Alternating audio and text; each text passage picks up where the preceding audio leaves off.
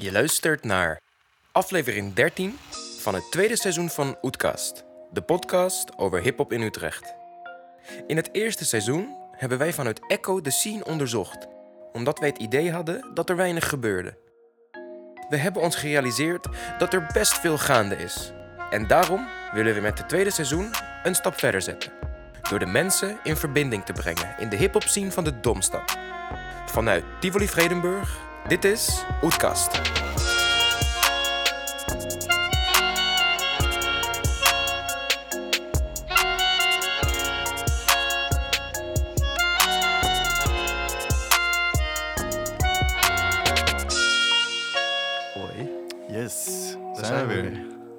Zeggen ze in koor. Ja, hij ging synchroon deze keer. Nice.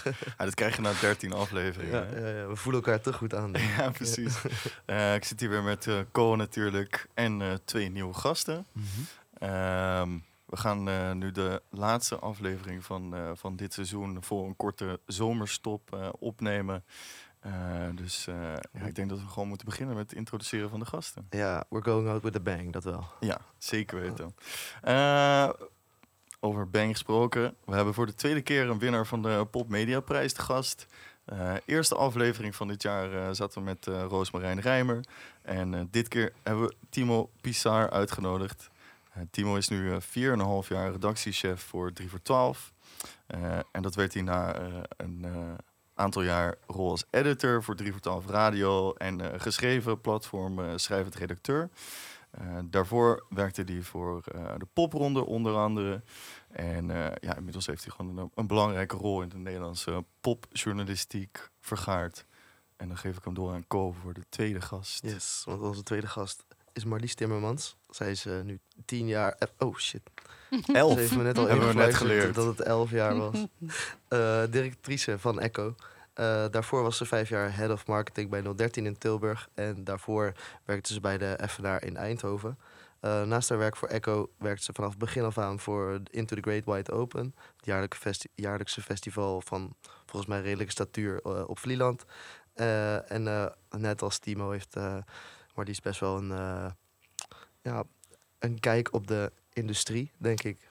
Ja, voor deze Dat- laatste aflevering eh, willen we een beetje overkoepelende view gaan eh, kijken naar Utrecht. Ja. Hoe het nu is, waar het naartoe moet en eh, wat jullie ideeën daarover zijn. Ehm, een aantal jaar terug, Marlies, gaan we er maar gelijk maar even beginnen. ehm, werd jou gevraagd wat mist in Utrecht. En weet je, weet je nog wat, eh, wat je antwoord was?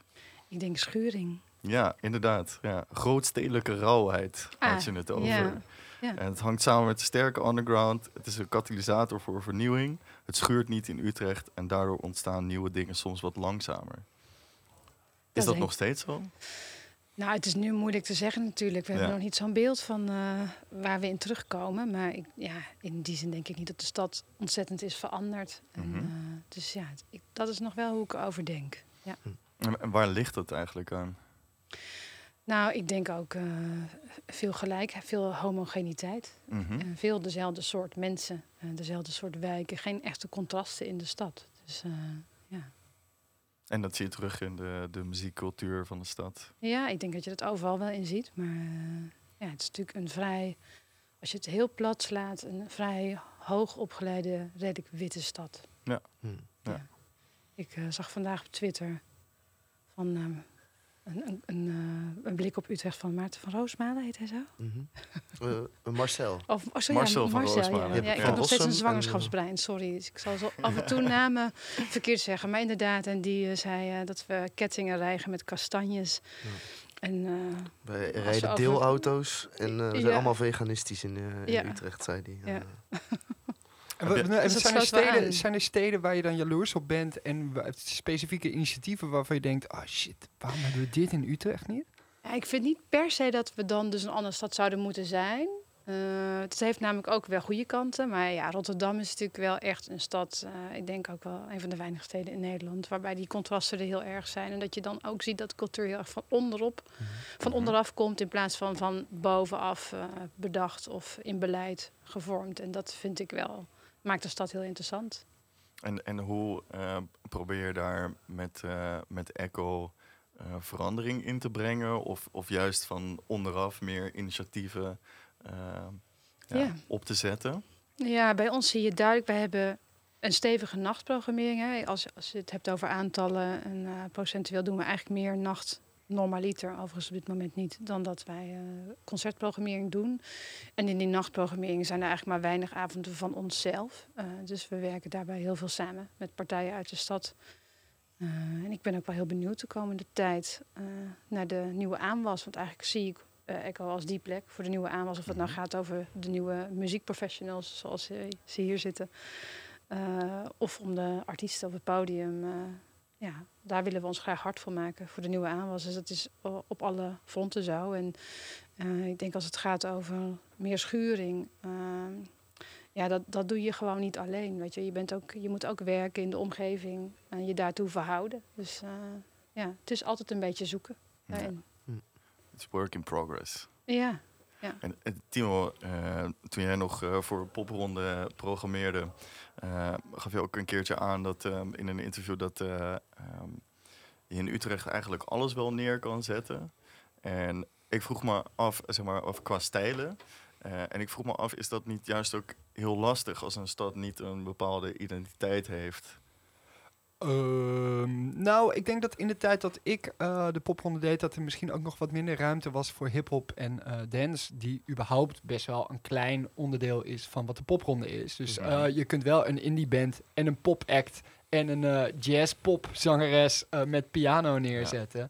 Ehm, eh, eh, en tegelijkertijd scheelt het dat in Utrecht dat er zoveel locaties zijn die enthousiast zijn om mee te doen, eh, dat je ook gewoon een heel groot gedeelte van die selectie sowieso wel kwijt kan. En als je een beetje een fatsoenlijke programmeur bent, dan hopelijk lukt het je dan ook om de juiste acts een beetje de goede kant op te, te pushen. Dus in die zin ging dat best wel goed. Maar daarbij gezegd, eh, de popronde is natuurlijk, er mist ook een heleboel in die selectie, omdat dat gewoon niet zo goed past bij eh, de identiteit van het festival. Dus ik bedoel, er zijn een heleboel meer trap-achtige hip-hop acts die gewoon, waar of geen publiek op afkomt, of de act snapt niet precies wat de popronde inhoudt. Uh, dance werkt überhaupt niet zo goed. En dat komt ook doordat uh, uh, uh, acts wel echt met eigen materiaal moeten spelen. Maar ook omdat veel meer live acts in de dancehoek die echt wat cooler zijn. Die beginnen meteen bij festivals als uh, Lentekabinet of Digital of whatever. En dan misschien wel iets kleiner. Maar die beginnen wel op een ander niveau dan, dan de popronde. Dus van de selectie van de popronde kun je het meeste wel neerzetten. Ja, ik snap hem nu veel beter inderdaad. Dus die, die plekken van, van danceartiesten die gaan natuurlijk ook gewoon op een andere plek spelen dan ja. de, de Hofman in Utrecht, die ja. altijd popronde doen. Uh, wat is het? De Hi-Fi Clubben doet geloof ik ook vaak optredetjes, uh, weet ik veel. waren cafés. Er, ik, ik ben wel benieuwd, je zei het over die trap acts. Waren er dan veel trap acts die zich aanboden voor, die zich aanmelden voor de popronde? Uh, nou, met... ik moet eerlijk zeggen dat de selectie, of de pre-selectie, want het mm -hmm. is altijd zo, er schrijven een stuk of 1100 acts zich ja, in. Ja, en dan een stuk of 400, 500 acts, die zijn eigenlijk zo slecht. Vindt, uh, vindt uh, de organisatie van de popronde Minder dat goed. misschien de selectiecommissie niet alles hoeft te horen. En die krijgen wel die lijst doorgestuurd van afvallers direct. Van, oh, check dat nog eventjes zit er iets tussen wat we toch een kans moeten geven. En dan, nou, uit die 500, 600 acts wordt uiteindelijk door een stuk of 40, 50 muziekprofessionals inmiddels, hm. wordt gewoon gestemd op acts in allerlei genres.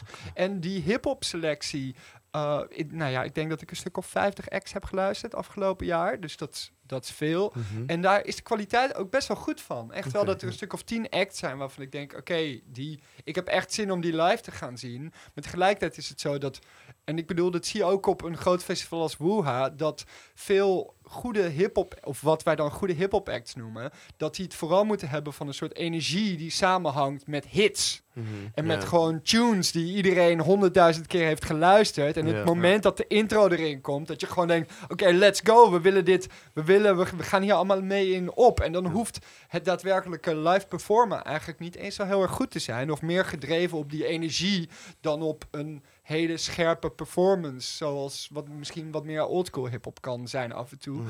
En het lastige daarvan is dat veel van die wat modernere hip-hop acts die zich ja, aan inschrijven voor de popronde, dat die gewoon niet. Die hebben eigenlijk die energie nodig, maar ze hebben niet de hits daarvoor. Ja. Dus dat betekent dat je gewoon een beetje een doods concert krijgt in Ja. sommige gevallen. Ja, vaak is het zo dat ze nog nooit of maar een paar keer op een podium hebben gestaan. Ja. Waardoor, en er zijn uitzonderingen daarop, maar eh, dat, dat maakt het wel moeilijk om een bepaalde act neer te kunnen zetten ehm, eh, met de popronde in de hiphophoek. En ik bedoel, van, zowel eh, vanuit de tijd dat ik bij de popronde in Nijmegen en later een jaartje in Utrecht heb gezeten, als ook vanuit 3 voor 12. Want wij selecteren altijd popronde talenten die dan speciaal op één 3 voor 12 podium in de stad mogen spelen. En we proberen daar wel altijd heel veel hip-hop in mee te nemen. Maar het is wel altijd een beetje spannend. En we zien ook dat die acts dan het minst geboekt worden Echt waar? in, de, in onze selectie dan. Hmm. En dat dan meer een, zeg maar, een leuk poprockbandje, dat die het veel makkelijker heeft dan en veel meer gigs eraan overhoudt. Ja. Maar wij vinden het dan juist belangrijk om die hip-hop acts wel extra te pushen, omdat uiteindelijk is het gewoon afgelopen vijf jaar het meest toonaangevende genre Precies. in Nederland geweest, waar het meest in gebeurde en waar zowel artistiek als commercieel gewoon, eh, ja, wat gewoon mega relevant was. Ja, ja, het is denk ik een hele langzame verandering die op een gegeven moment wel weer meer... eh, Ja, en dat er zijn, misschien weer meer hip-hop zijn komt. invloeden eh, wel heel duidelijk terug te horen zijn in de Nederlandse popmuziek eh, op dit moment. Dat zeker. Ik denk ook dat deels eh, misschien de revival van Nederlandstalige popmuziek ehm, best wel wat te maken heeft met eh, hoeveel mensen naar Nederlandstalige hip-hop zijn gaan luisteren. Ja, sowieso. Naar een Ehm, broederliefde of zo, inderdaad. ja, dat is echt wel een grote invloed, denk ik ook. eh. Ja, sneller misschien het aller, allergrootste voorbeeld ja, van. maar, die wilde ik niet noemen. Ja, nou ja, het is wel zo. Ja. En, eh, en natuurlijk Steen ook. Ja. En eh, die, die, die 50 acts die je net noemde, is dat dan heel erg veranderd door de jaren heen dan zeg maar vijf jaar geleden? Nou ja, in, in het verleden was het wel zo dat en veel minder acts, eh, de hip-hop acts, hun weg naar de popronde wisten te vinden.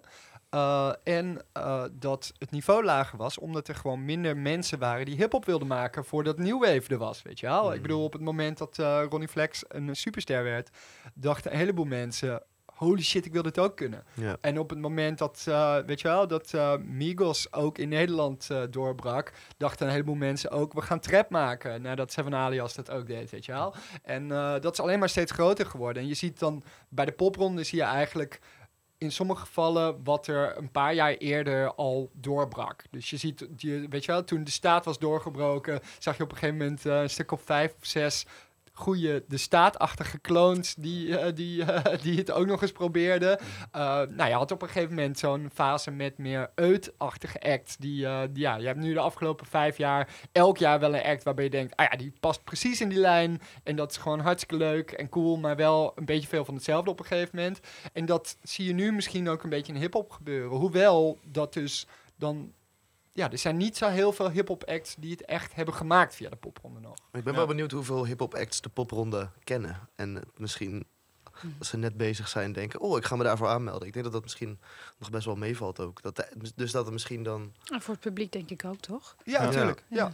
Ja, en tegelijkertijd is het dus wel echt zo dat er, als ik kijk naar de inschrijvingen van afgelopen jaar, dan vind Mhm. ik dat er daar minstens zoveel goede inschrijvingen in de hip-hophoek zijn als in bijvoorbeeld de pop-dance hoek. Ja. Mhm. Ja.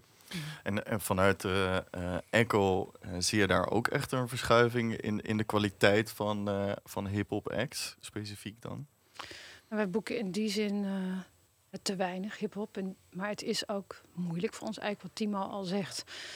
Eh, waar we eigenlijk eh, heel anders dan eh, bij de andere bands die wij doorgaans programmeren, eh, zit hip-hop ook in een ander circuit. Dus veel meer vaak inderdaad eh, vanuit die hits en energie gedreven. Eh, de discotheken doen, ook het geld eh, daar willen verdienen in veel kortere tijd. Niet een live show op orde hebben vaak. Dus Ja. Daar, daar, ja, daar lopen we dan ook wel tegenaan dat ze dan nog niet de kwaliteit eh, altijd hebben.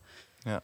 Dus maar het is niet, wij zijn denk ik ook voor het hiphop publiek, net als dat de popronde. eh, ja, dat is echt nog denk ik wel een beetje gescheiden. En we hebben bijvoorbeeld afgelopen zaterdag hadden Kel Chris. Ja, dat is dan weer, zoals wij dat dan intern noemen, de Guess Who hip-hop. Ja, Eh, maar dat, daar trek je dan dus ook niet het publiek mee, eh, wat je doorgaans ziet bij hip-hop concerten. ja dat is heel wat anders dan publiek. Samsky bij eh La Cassette. Ja, ja. precies. Ja. Ja. Ja.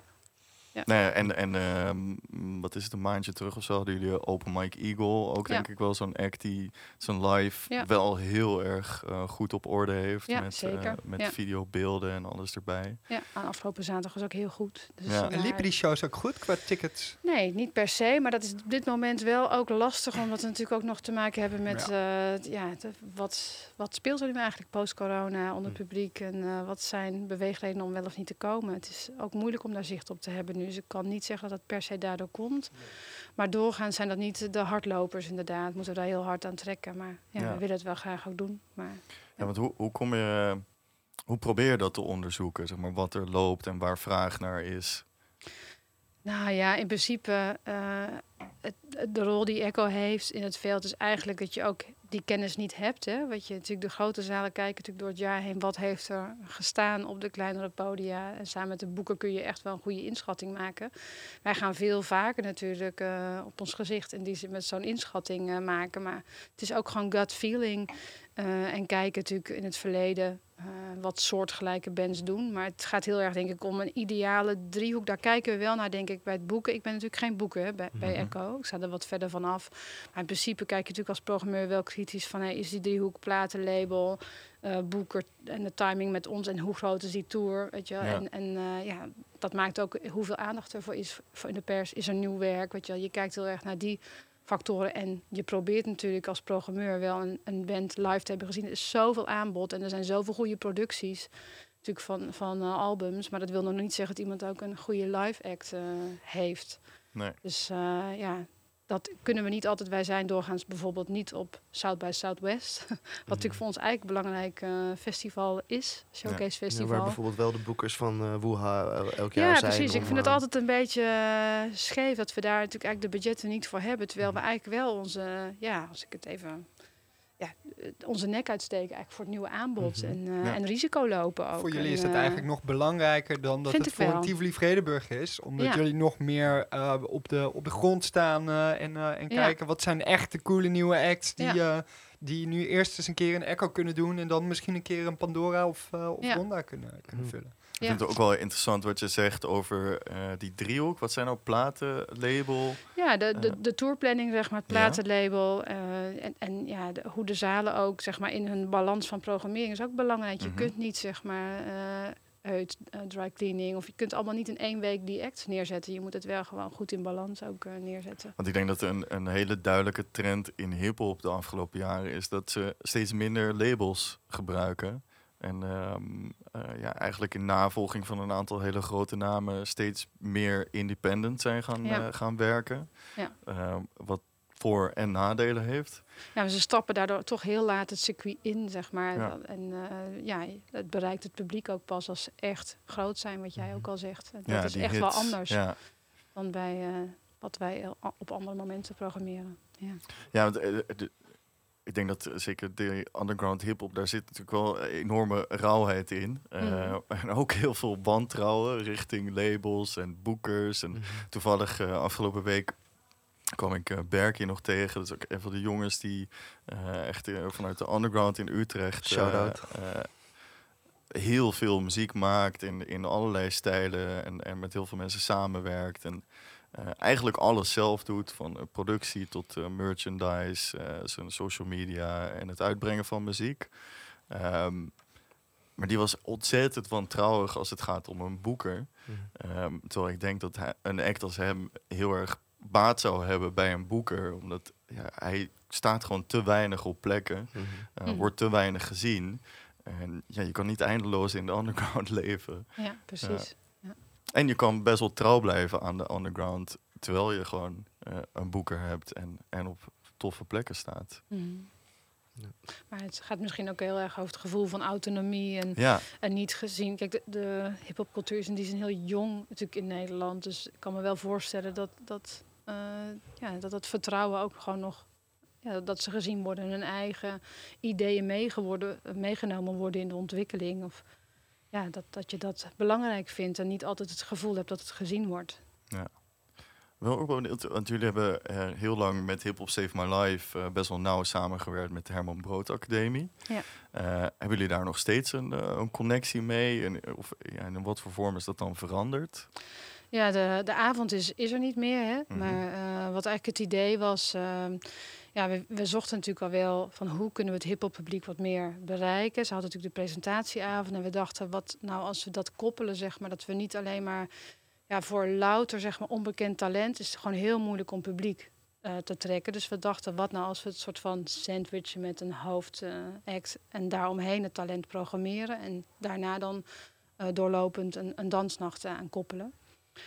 Maar ja, je zag toch wel, eh, ook bij hip-hop, dat veel mensen die de opleiding deden, makers, eh, ja, heel erg toch opgesloten in hun studio zaten. En eh, veel al toch ook wel een beetje inderdaad naar binnen gekeerd waren. Dus het was niet per se zo dat het dan zorgde voor eh, publiek of zelfs dat ze kwamen kijken bij hun vrienden, was niet per se altijd zo. Ik zag wel een groot verschil tussen de afdeling, dus hip-hop producer en ik weet niet precies hoe de afdeling. denk ik ja, ja, ar- waar de, de, echt meer de bands.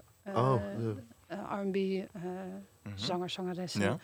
Daar, daar stond de zaal wel altijd vol mee. Dus dat, ja, het is toch ook wel, heeft toch ook wel een beetje te maken met, die, met de subcultuur en eh, wat erin belangrijk was. En ik dacht ook op een gegeven moment, wij kunnen dat belangrijk vinden, eh, dat Echo dat ook biedt, maar misschien zijn wij helemaal niet belangrijk voor die scene. Mhm. En misschien is live Ja. überhaupt niet belangrijk voor die scene. Ja, ik bedoel, er zijn ook een heleboel grote, plays grote sterren belangrijk. die denken van... oké, inderdaad, die, eh, de, eh, de eh, streaming services vinden we belangrijk. Misschien in sommige eh, eh, segmenten radio nog belangrijk. En verder, het discothekencircuit is iets waar je veel minder je best voor hoeft te doen... en veel meer geld kunt pakken in veel gevallen. Ja. Eh, ja, en dan is het natuurlijk ook zo dat het publiek vaak niet per se alleen een ticket koopt voor jou, maar meer gewoon voor een avond en een Mhm. feest. En er is dan even een eh poken of eh, busy of Ja. eh, whatever. En die zijn natuurlijk wel, hebben dat niveau wel een beetje ontstegen, die twee namen. Maar er zijn zat acts die denken, ja, ik vind het prima om alleen maar dat te doen. Ja. En ik bereik dan misschien ook wel een publiek dat beter bij me past dan wanneer ik in een Echo of een eh AQ zou gaan staan. Ja, precies. Ja.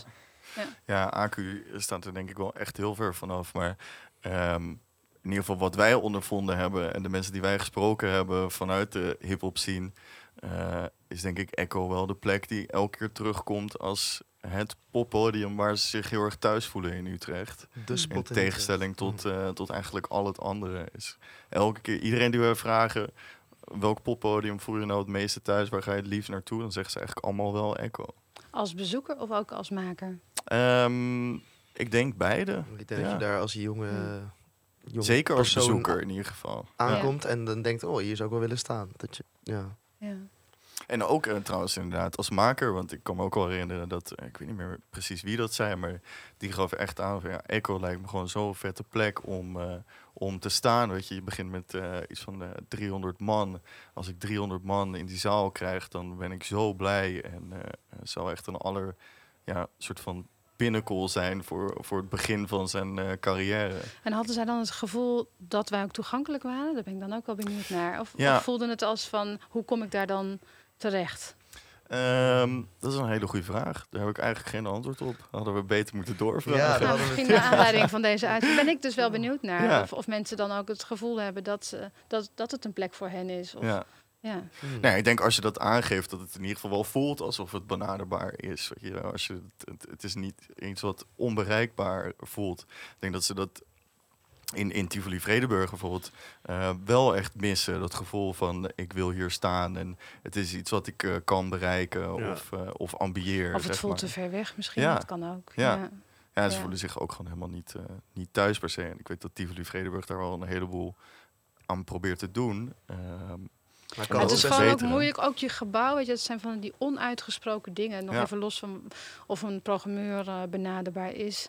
Wij, wij in die zin letten ook heel erg op alle aanpassingen in het gebouw door de jaren heen. Dat we niet de boel te veel aanharken. Zeg maar. Ik vind het zo belangrijk dat het ook voelt dat je er binnen mag lopen. En dat het, dat het laagdrempelig is en dat je fouten mag maken. En eh, dat het niet per, per se al gelijk perfect moet zijn. En dat moet ook je gebouw uitstralen. En, Ja. eh, dus daar letten we wel op. Ik denk dat het gewoon in die zin, alles wat je doet als zaal met wat je wil, moet je daar heel erg naar kijken. Naar totaal. Niet alleen maar wat boeken we, maar ook kunnen we dat waarmaken eh, qua marketing, maar ook als iemand eh, binnenkomt. eh, voor de artiesten, maar ook voor de bezoeker. Klopt het dan eigenlijk? Want dat voelt het publiek echt. ik probeerde laatst het aan iemand uit te leggen die in theater werkt.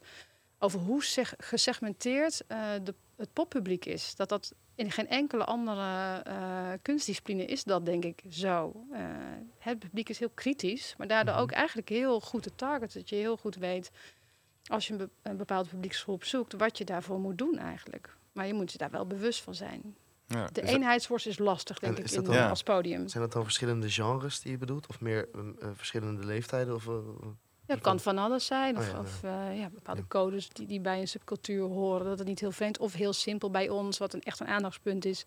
Is dat je bijvoorbeeld geen speciaal bier schenkt eh, tijdens dansnachten. Maar cocktails, weet je wel. Dat, eh, oh. Of bijvoorbeeld eh, toen wij Jalla Jalla gingen doen, dansnacht. Dan je- zijn je genderneutrale toiletten ineens wel een issue, bijvoorbeeld. Dus dat je heel bewust bent van, van hoe je iets aanbiedt en in welke context. Wat hebben jullie toen gedaan? Dat wil ik weten. Ja, We hebben daar niks aan gedaan eh, uiteindelijk. Want dat, je kunt natuurlijk daar niet zomaar iets eh, aan veranderen. Maar we dachten wel, oh, dat is echt eh, niet zo van- vanzelfsprekend als dat wij denken dat je alleen maar iets goeds doet, zeg maar. Ja. Dat is dus niet zo voor elke groep. Met, met, eh, als, je, als je inclusief wil zijn, eh, dan moet je eigenlijk per avond vrij exclusief eh, zijn. En in totaal ben je dan inclusief. Ja. Hm. Dus, eh, maar we kunnen niet alles aanpassen. Nee, je kunt Helaas. niet de wc's eh, iedere avond En weer een verbouwen. wand ertussen om, eh, zetten. Ja, precies. Opeens een paar Ja. dicties. Nee, maar goed, het zijn maar wat voorbeelden. Maar het zijn, ik denk dat dat ook allemaal wel meespeelt. En Ja. ja. ja, dat is ook, ik, hou me, ik ben natuurlijk geen programmeur, dus ik kan niet zo diep op de stof in als, als Timo kan of als jullie kan, Mhm. kunnen. Maar eh, ik kijk natuurlijk heel erg naar de context en de voorwaarden die nodig zijn. Ja, is dat een gesegmenteerde publiek iets waar je met 3 voor 12 ook eh, eh, mee bezig bent? Ehm, nou, eh, eh, nou ja, als in wij proberen zoveel mogelijk verschillende mensen te bereiken. Ja. Maar ook wel, eh, ik geloof dat wij... Ik heb altijd het liefst de Lowlands bezoeker in mijn hoofd... als ik eh, nadenk over voor wie ik schrijf. Uh, maar dan zowel die guy die uh, tot zes uur s ochtends in de X-ray staat en daarna doorgaat naar de Armadillo en ergens in het begin van de middag zijn tent inrolt en, en dan s'avonds weer een keertje tot leven wordt, wordt gekust. maar ik schrijf ook voor diegene die zondagochtend in India staat om naar het mooie volk, volkconcert ja, te kijken. en ja. die, en naar ook diegene die Travis Scott wil zien, maar dan uiteindelijk met Post Malone uh, wordt... Uh, uh, mm. ja, Travis Scott had afgezegd een keer. Ja, kwam Post ja. Malone. Die dat dan voorgeschoteld krijgt. Ja, inderdaad. En um, we merken wel tegelijkertijd van... Oké, okay, er zijn bepaalde genres en acts... die heel erg alleen maar voor dat ene specifieke publiek zijn. En uh, we proberen tegelijkertijd wel altijd na te denken... hoe kunnen we die introduceren bij de rest ook. Hm. Zonder de echt de hardcore liefhebbers af te schrikken met... oh, dit is wel echt heel erg basic allemaal. Uh, snap je wat ik bedoel dan? Ja, op wat voor, op wat voor manier uh, kan je dat doen? Nou, uh, nou, ja, bijvoorbeeld als je over Ronnie Flex... Nou nee, Ronnie Flex is geen goed voorbeeld. Uh, want iedereen weet wie Ronnie Flex is. Uh, maar al, als ik over een bijvoorbeeld een beetje een niche hip-hop act schrijf... dat ik wel probeer om die ook echt heel specifiek mooi te beschrijven... op een manier dat ook mijn... nou, misschien niet mijn moeder, maar wel mijn broer het leuk kan vinden. Mm-hmm. Maar dat ik tegelijkertijd mijn hypothetische jonge neefje... die echt de hele dag alleen maar woordenschat luistert, dat hij ook denkt, oh, ik lees allemaal dingen die ik nog niet ken. Uh, of die ik nog niet wist. Uh, dat, ja, dat is een beetje hoe je erover na probeert te denken. En dat is altijd een super lastige balans. En het is nooit helemaal uh, het een of het ander. Maar zo probeer ik wel over verhalen na te denken. En ook überhaupt over onze mix van, van waar we over schrijven. Want het moet niet zo zijn dat we in twee weken alleen maar over hip-hop schrijven. Of alleen maar over dance. En uh, that's it. Want dan, ja, dan uh, bereiken we niet, uh, of dan geven we niet iedereen wat ze willen. Hm. Ja, wat, wel, wat echt wel anders is, het publiek wat op Lowlands komt, gebruikt, uh, gedraagt zich buiten Lowlands heel anders. dus zeg maar door het jaar heen. Hetzelfde zie je met de Guess Who. Dus dat is wel wat voor ons wat complexer is, zeg maar. Maar ja. tegelijkertijd herken ik wel hoe jij doet. Als ik kijk naar onze marketing, is het ook heel erg soort van dat je bijna je inbeeldt dat je de muziekvriend bent, waar iedereen uh, de tips van, van aanneemt. Ja. We proberen heel erg in onze schrijfwijze ook op die manier eigenlijk te werken. Dus dat lijkt dan weer wel op elkaar. Maar het is wel een, een grote uitdaging buiten een festival om, om echt nieuwe dingen ja. aan de man te brengen. Wat ik wel heel grappig vond, is dat jullie bij Echo hadden jullie vorige zaterdag was er een feestje van uh, Vesten. Vesten, ja. Toen stond er in iemands story stond er iets van... ben je ooit bij Down Rabbit Hole, Lowlands, Best Kept, bla bla bla. allemaal festivals. Ben je daar ooit geweest? Kom dan vanavond naar ons. Dus kwam ook wel een beetje over alsof jullie misschien... dan een soort van last hadden om me- mensen naar de Echo toe te krijgen. Is dat ook een ding? Maar Of, Vesten eh, heeft, is echt heel erg een eigen concept. dat dus dat is eigen- ook echt hun positionering, eh, hoe zij zich weg willen zetten. Dus Ah. eigenlijk het festival buiten het festivalseizoen, maar dan in de club.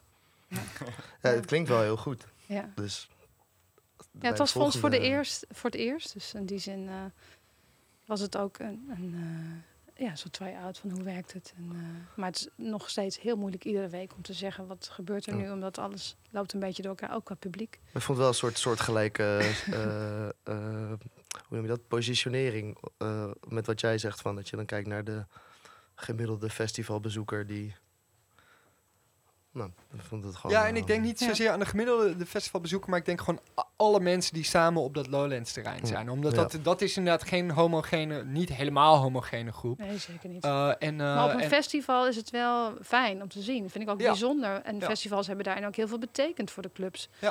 Ja, die hebben echt ook wel deuren geopend om mensen toch op een andere manier zijn ook anders gaan programmeren natuurlijk als festivals. Eh, maar dat maakt wel dat voor het clubcircuit, en dat is de verzameling van zalen, zeg maar, dat het toch denk ik, eh, ja, als iets heeft gestaan op een van de festivals, kun je daar toch gewoon eh, heel goed aan refereren. En dat werkt wel.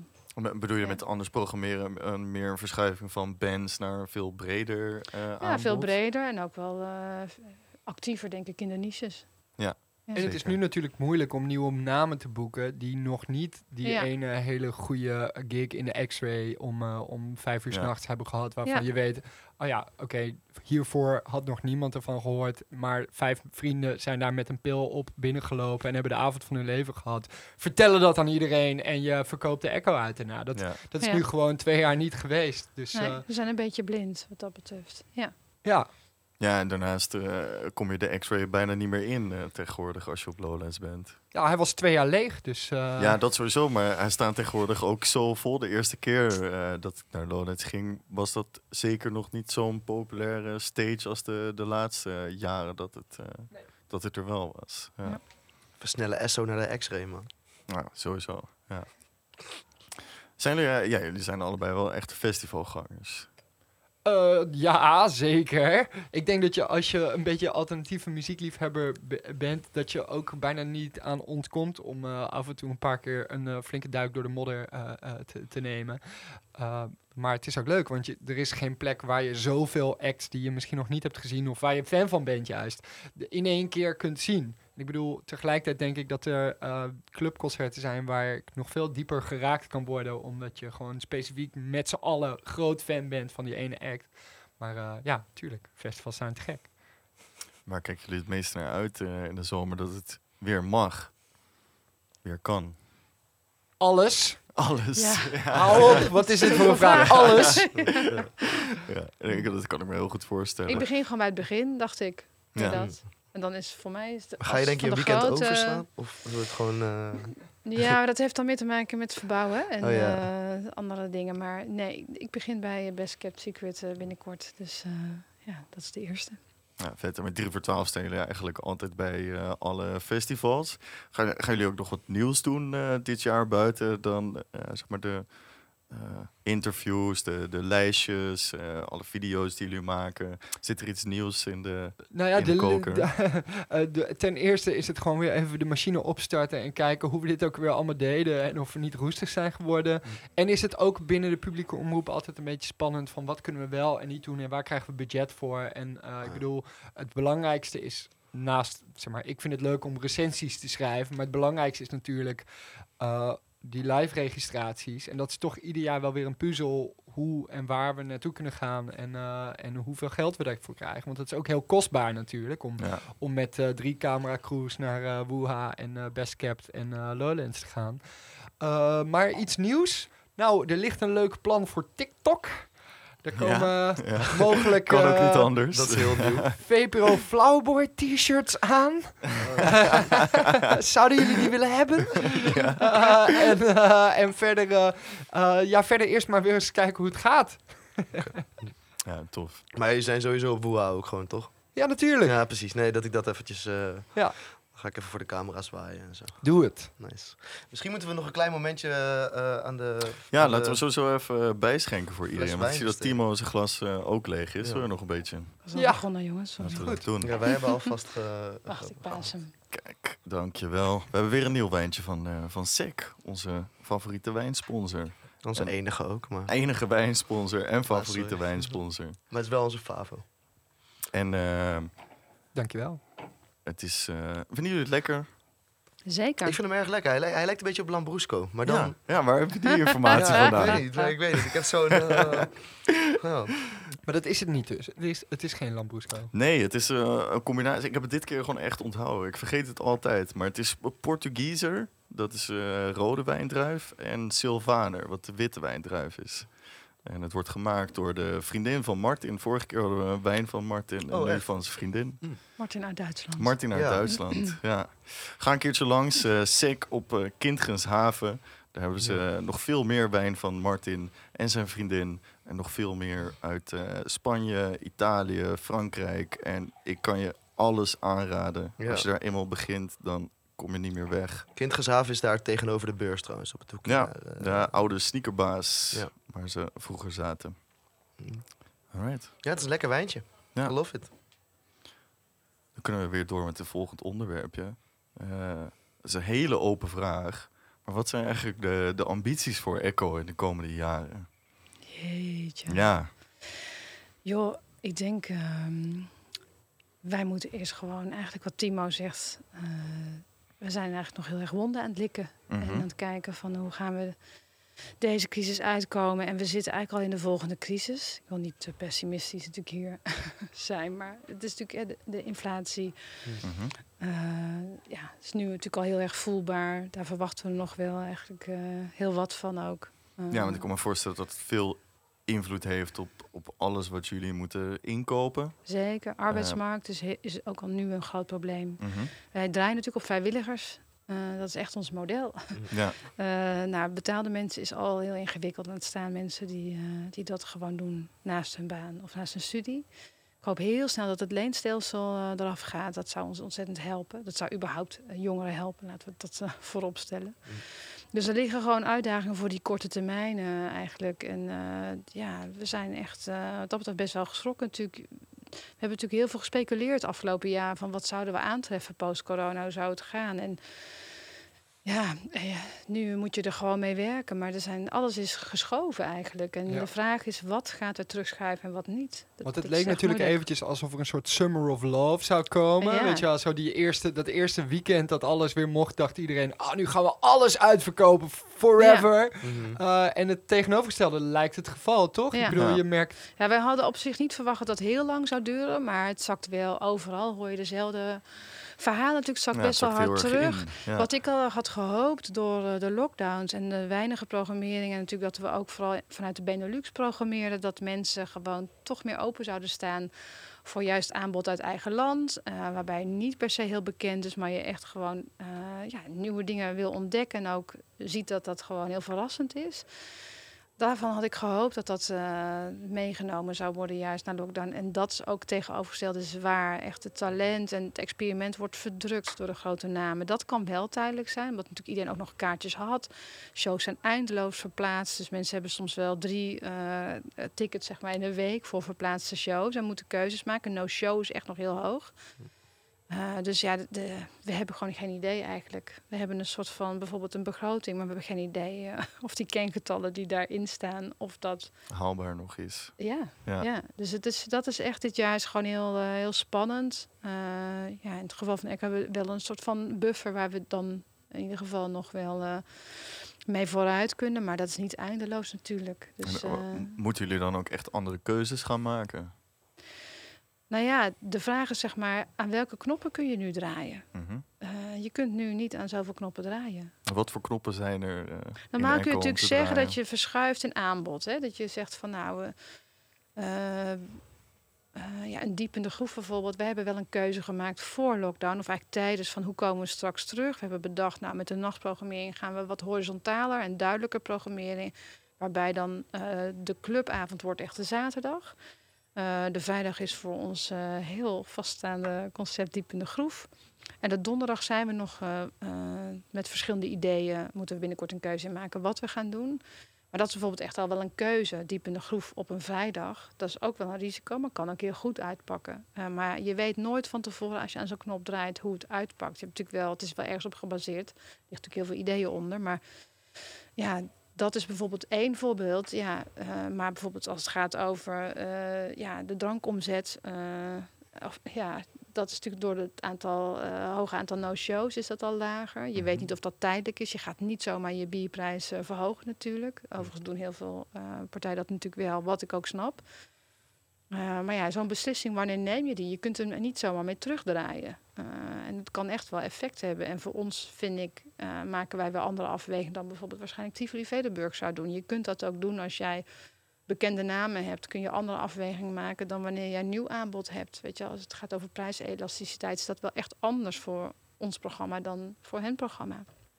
Voor hun programma. Dus, dus het is heel moeilijk te zeggen nog eh, van, van waar het precies heen gaat. Als het gaat over ambities, eh, ja, zoals wij het geformuleerd hebben, hebben we natuurlijk een meerjarenplannen die we altijd schrijven, waarbij je vooruit kijkt. Eh, ja, ik, ik denk, we bestaan natuurlijk ook al wel een tijdje, maar ik denk onze grootste uitdaging ligt in, in diversiteit bij concertprogrammeringen, dat dat echt diverser mag nog. Ehm, waarbij we eigenlijk het programmeren op locatie daarvoor veel meer in willen zetten. Dus we hadden natuurlijk door de jaren heen, eh, nou, dat is denk ik inmiddels bij de meesten wel bekend, eh, de Nijverheid, de Molen hebben we lang geprogrammeerd. Eh AQ programmeren we natuurlijk stevast. Ehm maar je moet natuurlijk ook kijken als je nieuw publiek wil bereiken, dat het niet alleen maar is wat je programmeert, maar ook op welke plek je het aanbiedt. Dus dat was wel een ambitie waar we heel graag naar wilden kijken voor de concertprogrammering, om dat nog beter in balans te brengen. Als het gaat over de nachtprogrammering, eh, ja, wat we eigenlijk nu aan het doen zijn, was wel een van de ambities. Dus meer horizontaal, duidelijker eh, en meer gekoppeld ook aan doelstelling. En jonge aanwas meer eh, je daarvoor inzetten. Dat moet iedereen doen. Maar wij zijn tijdens Lieve Staat hier, heeft deelgenomen aan onze DJ-course. Ja. Daar zijn we mee gestart, omdat we eigenlijk ook zagen van ja, je kunt de dansnachten wel hebben, maar ik vind ook echt dat je, dat je veel harder moet werken om nieuwe DJ's gewoon op te leiden. Dus dat programma hebben we bijvoorbeeld ontwikkeld. En Dus dat blijft dan eigenlijk niet. zelf talent aan het ontwikkelen dat kan komen draaien Ja. op je clubnachten. Ja, bij dance hebben we in die zin echt wel een andere rol dan bij concert. Concert is natuurlijk best wel aanbod gestuurd. Tuurlijk jaag je ook aanbod na eh, als programmeur wat je echt graag wil hebben, passend binnen je profiel. Eh, maar bij dance is het natuurlijk veel meer aan jezelf wat je doet. Kun je veel meer zelf kiezen. En, eh, en bij concert ontwikkelen wij niet per se talent, maar wij bieden hen een podium. We faciliteren talent. En bij dance ontwikkelen we ook talent, organisatietalent. En nu dus ook mensen die, eh, die draaien. En Nee, en ook had- daarin willen we diverser zijn. Op locatie programmeren om ook een diverse publiek te trekken. Zijn er bepaalde wijken waarvan je denkt, misschien waar je zelfs al een locatie op het oog hebt, waar je al een tijdje op aan het azen bent, of waarvan je denkt, oké, we willen heel graag daar wat, wat doen. Waar, waar Ja, gaat we het fantaseren erop los. Dak van de Ikea, jongens. Dat willen we al heel lang, eh, heel graag. Waar Faja Lobi, de voetbalclub, ook eh, zit. Maar het is zo moeilijk. Dat is wel echt moeilijk in, in Utrecht, het vergunningenbeleid, toch? Het is natuurlijk makkelijk om, om, om eh, te klagen of zo. Maar dat is toch wel echt ingewikkeld. Dus eh, plekken genoeg. We zijn natuurlijk... eh Freaky Dancing hebben we laatst... eh, dat is overigens inmiddels wel echt ook al een aparte, aparte stichting... en een aparte organisatie deels. Maar daar hebben we natuurlijk ook gekeken van waar kunnen we dat doen. En wilden we juist ja, bij wijze van in een, in een winkelcentrum, wat nu natuurlijk, eh, er zijn natuurlijk heel veel plinten daar leeg. Weet je, dat leek ons ook heel tof. Maar het is echt moeilijk qua vergunning. eh, om buiten het centrum echt dingen te doen. En in het centrum trouwens ook. Maar, eh, dus dat is best wel een uitdaging. Ja, en over, over die vergunningen gesproken. ehm, Utrecht heeft eh, nog niet zo heel lang geleden het nachtoverleg eh, eh, geïntroduceerd. Ja. Ehm, om een wat, ja, ik, ik denk best te zeggen, een wat meer ja, speel tussen gemeente en het nachtleven te krijgen. Ja. Merk je daar dan ook echt al een verschuiving in? Is het contact verbeterd? Ehm, Zeker, ja. Er zijn natuurlijk een aantal dingen. Het is ooit begonnen. ik- volgens mij tijdens een visitatie. Dat, dat, eh, we hebben er echt als instellingen ook wel lang eh, op gehamerd. Dus niet misschien per se vanuit de clubs, zeg maar. Juist vanuit de instellingen. Voor Echo was het echt veel meer dat ik het altijd heel lastig vond... als je met je plannen komt. eh, dat bij concert het evident is dat je een soort van keten hebt van experiment tot mainstream. Maar bij dance gaat het, denkt iedereen dat het alleen maar mainstream is. Terwijl je hebt daar natuurlijk even goed. Niet alles kan geld opleveren bij, uh, bij dance. Je moet even goed daar investeren in de onderkant. Dus dat is eigenlijk het voornaamste belang geweest vanuit Echo. Om, om te zeggen van er moet echt een visie opkomen. En daarnaast zagen wij natuurlijk ook van het, het, het vergunningenbeleid is ook wel ingewikkeld. Maar dat gaat stekt verder dan alleen maar dance eigenlijk. Maar ik denk het begint echt bij de perceptie en het begrip van het belang van, van nachtcultuur. En dat elektronische muziek echt een vernieuwer is. Dus uh, dat is wel echt een belangrijk pleidooi. Wat ook gebeurt is dat je ziet dat zowel aan de raad als ook bij de gemeente... Uh, ja, daar vindt ook een verjonging plaats. Dus er zijn ook steeds meer gelukkig beleidsmedewerkers en raadsleden... die zelf ook uh, in de nacht te vinden zijn. Ja. Dus, Ik um, denk in de gemeenteraad in Utrecht dat studenten en starter zich echt Zeker. wel hard maakt voor Ja. het nachtleven. die heeft ook destijds die motie waar, Ja. die, waar dit een antwoord op is uh, ingediend. Uh, dus nee, zeker. Er, er is wel een verschuiving wat nog niet per se heel zichtbaar is. Tegelijkertijd, maar misschien mag ik dat niet zeggen zo in de podcast uh, van de gemeente. Maar de nacht staat op, vond ik ook wel een heel typisch voorbeeld hoe Mhm. de gemeente Utrecht uh, ja, dat, dat toch heel goed ook heeft gedaan. Dus ze kunnen natuurlijk niet zeggen, we gaan jullie helpen of zo. Ze moeten natuurlijk handhaven, maar toch heb je nog keuze. Volg je je, je normale standaard handhavingsbeleid op zo'n avond? Of ga je heel erg, hè, wat, wat Den Haag deed. Uh, Op je strepen staan. heel erg, of 013 ja. in Tilburg natuurlijk, uh, die Ja. gewoon die boete nam. Uh, ja. Ja, maar dat moet je ook maar kunnen, die boete nemen. Dat kan natuurlijk niet voor elke, uh, elke plek. Nee, als je groot genoeg bent kun je het snel uitrekenen. Natuurlijk, wat hadden ze, 1500 man met drankomzet, 7 euro. Ja, dan heb je hem natuurlijk zo eruit. Ja. dus het is ook, maar het is wel goed denk ik geweest als statement. Maar ik bedoel, daarin heeft Utrecht ook wel laten zien dat ze het toch ook wel erkennen. Maar ja, dus ik, ik denk in, in die zin, uh, ja, Utrecht is natuurlijk niet grootstedelijk zoals uh, Rotterdam en Amsterdam. Dus dat maakt ook dat, dat die uh, nachtcultuur wat achterloopt, Ja. denk ik. Uh, Ja, uiteindelijk is Utrecht wel de snelst groeiende van al die steden. Dus het is Zeker, wel van en belang jongeren, dat hè. dit gaat Ja. veranderen. Zeker, ik vind ook met Filmcafé laatste jaar dat dat ook heeft. Hè, een soort van gedogen wat, wat zij deden. En daar Ja. ruimte aan bieden is gewoon heel goed. Dat is dat dat doet. Ja, voor iedereen die hier geïnteresseerd in is en meer wil weten, ik denk dat we die kleine scoop er wel uit kunnen gooien, Denk het toch? wel, ja. Ehm, wij gaan ook een hele mooie serie maken over uh, de nachtcultuur in Utrecht.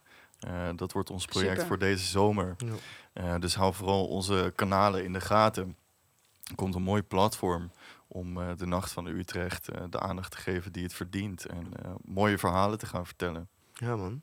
Mm -hmm. To be continued. Ja, deze, precies. uh, ja. Heel goed. Uh, ik ben ook wel benieuwd, Timo, jij, jij spreekt met 3 voor 12 natuurlijk uh, mensen vanuit het hele land in het nachtleven. En, um, zie je ook dat het in Utrecht gewoon heel anders is dan, uh, dan een Amsterdam, een Rotterdam, een Nijmegen? Uh, nou ja, volgens mij hebben alle steden het nu heel erg moeilijk met Mhm. uh, tickets verkopen en uh, met genoeg publiek trekken. Terwijl er heel erg werd verwacht, oké, okay, er ontstaat nu een explosie en uh, let's go, nu het, nu, nu het weer mag. Terwijl er is weinig aanwas van jong publiek. En het publiek dat twee jaar geleden nog tot het meubilair behoorde, dat is inmiddels misschien uh, wel, uh, heeft een kind gekregen of een serieuze baan, waardoor je niet meer uh, twee nachten in het weekend kunt gaan knallen. Mm. Ik denk dat iedereen dat herkent. Ja, Utrecht heeft natuurlijk wel gewoon weinig dedicated clubs. Minder dan dat in ieder geval Amsterdam dat heeft. Ik bedoel, in Rotterdam is het ook altijd uh, een beetje, een beetje schipperen en uh, uh, dingen die weer worden, worden neer... Ja, afgekapt en dan wordt Ja. weer geprotesteerd voor op de koolsingel. En, Ja, um, um, en in Utrecht heb je natuurlijk, dat, dat is een beetje het gekke van, een, van zeg maar, de grote club was, dat dat eigenlijk gewoon niet hun locatie is. Maar zij huren dat gewoon voor, voor wanneer er een feest kan plaatsvinden. Ja. En soms kan het niet omdat er een beurs is, voor zover ik begrijp. Ja, maar het is wel redelijk exclusief. Ze hebben daar wel afspraken over, okay, ook om ja. Wel te bewaken. Ja, ja, precies. Maar het is niet zo dat je daar drie dagen per week kunt gaan clubben of zo. Als nee. in, want het is eerder nee. eens, twee keer per maand. Dat, ja. Uh, en uh, en dat, dat, ja, je hebt dan de basis, uh, heet het zo? Ja, ja, ja. Wat, wat, wat, kle wat kleiner is en wat voor zover ik weet wel wat meer evenementen organiseert. Maar ik denk Zeker. wel dat er, dat er ja, ik mis in ieder geval binnen Utrecht nog wel een plek waar je gewoon altijd naartoe kunt gaan en uh, uh, altijd gewoon iets cools kunt, uh, kunt ja. Maar wat gewoon lastig is toch van Utrecht ook is... Het, het publiek is hier... ja, ondervertegenwoordigd ook daarvoor. Ja. En eh, de vraag is natuurlijk, eh, was, ik ben daar wel ook altijd benieuwd naar bij hen, van waar komt hun publiek nu vandaan? Weet Ja. je? En hoe ver komt dat uit Utrecht of komt dat niet eigenlijk gewoon ook meer van buiten? Ja. Want als je drie dagen per week open moet zijn, dan moet je ook wel eh, genoeg publiek hebben in je stad die dat doet. En het hangt met zoveel samen. De grote natuurlijk, internationale stad, toerisme speelt ook mee. Maar ook de soort studies die je hebt aan je universiteit spelen ook mee met het soort publiek wat je hebt. Ja. Dus eh, dat, is, dat is toch ook moeilijk, zeg maar. Eh, ik, ik hoor het vaak en het is ook waar, maar het hangt dus ook samen met de soort stad die, die Utrecht Ja. is. Ja, ik denk dat er veel meer mensen vanuit Utrecht naar Amsterdam gaan dan andersom. Dat is Ja. al een ding. Ja. Dat is een, is een cliché, maar tenminste, of, het is geen cliché, maar het is een. ja, we dachten altijd dat het nachtnet van de. NS zou bijdragen, maar het, je- het Ja. gaan- de, de treinen gaan natuurlijk ook Utrecht uit. Ja. ja. Precies. Dat is nadeel. Ja. Ja, eh, Over de basis gesproken, ik vind het ook wel interessant. Dus een van de clubs waar ik in ieder geval vaker van heb gehoord in het circuit. Dat eh, zij volgens eh, een heleboel mensen misschien wel het min- nou, niet de minste last ervan hebben, maar wel relatief makkelijk over eh, al deze wonden die, eh, zoals jij het net noemde, heen stapte. Heb jij een idee waar dat dan in zit? Maar is dat zo? Als in verkopen zij iedere avond uit die ze, die ze doen? Ze gaan wel, ik, ik, ik sprak een van hen eh, vorige week nog in, eh, in Was. Ze merken ook wel een andere tendens, maar het is, ze hebben een hele trouwe club. Ja. Fans Hm. en eh, bezoekers. Dus, eh, en hun programma is ook heel steady en daarop gericht. Ja. ja. Ja. En Ja. een van de weinige plekken natuurlijk in Utrecht. eh. ja, precies. ja. Als je dan van techno houdt, dan moet je gewoon daar naartoe Ja. eigenlijk. Ja. Ja, ik denk En dat zij trekken ook veel volgens mij uit randgemeenten hoor. Zuidhouten en Nieuwegein en dat soort dingen. Niet alleen maar uit Utrecht. Alright. Ja, ik eh, ben redelijk settled. Ik, Ik- ben helemaal tevreden. ja, ik vond het een mooi seizoen. Ja. Ja, ik vond het ook een super mooi seizoen. Ik eh, wil jullie heel erg bedanken. En sowieso in het bijzonder Marlies, want eh, de meeste mensen weten het niet. Maar eh, je bent toch wel heel belangrijk geweest voor deze podcast. Ja. Eén, om ons een, eh, een duwtje in de goede richting te Ja, geven. precies. Maar dat is Ehm, alles hoor. En de talentontwikkeling waar je het net over had, als het gaat om, om DJ's, dat heb je ook gedaan met de podcast. Want we mochten natuurlijk beginnen in de backstage van Echo. En eh, nu zitten we hier en daar zijn we heel erg eh, dankbaar voor. Ja, Hm. nou, dat doen jullie vooral zelf. Ik zei net, voordat de uitzending start al, jullie zijn gewoon ook heel gretig. Dus er komt ook heel veel op jullie af. En eh, ja, ik heb alleen maar een beetje een duwtje gegeven. Ja, en thanks daarvoor. En daar gaan we vooral mee door, die gretigheid. Zoals ik Ja. net al zei, sure. komt een mooi project aan deze zomer. Eh, daarna gaan we gewoon weer door met onze regular afleveringen vanuit Studio Pandora. Ehm, ook eh, nog een speciaal bedankje naar Michiel Peters voor het mogelijk maken van Studio Pandora in het algemeen. En ons een plekje te geven hier. Yes. Ehm, Lorenzo Gentili, onze productiemaster. Hij fixt alles. Lieve Goedhart, bedankt voor het filmen vandaag weer. En eh, Cosimo Gentili, het broertje van eh, Lorenzo, voor het maken van de tune. Ehm, en Steve Offerhaus, die mag niet vergeten, want Shout-out die heeft Steve. natuurlijk vette illustratie gemaakt voor ons. Dan eh, sluiten we daar het seizoen mee af. En ehm, hou onze kanalen in de gaten. Komt een hoop nieuws aan. En we zien jullie wel weer. Thanks voor het luisteren. Later. Later. Je hebt geluisterd naar de laatste aflevering van het tweede seizoen van Oetkast. Deze keer met Timo Pissar en Marlies Timmermans. Ken jij nou ook iemand die erg goed zou gaan op deze gekke industry takkies? Stuur deze podcast dan door. Oetkast seizoen 3 komt na een korte zomerstop weer terug. Hou onze kanalen in de gaten, laat een recensie achter en we zien je heel graag de volgende keer. Peace.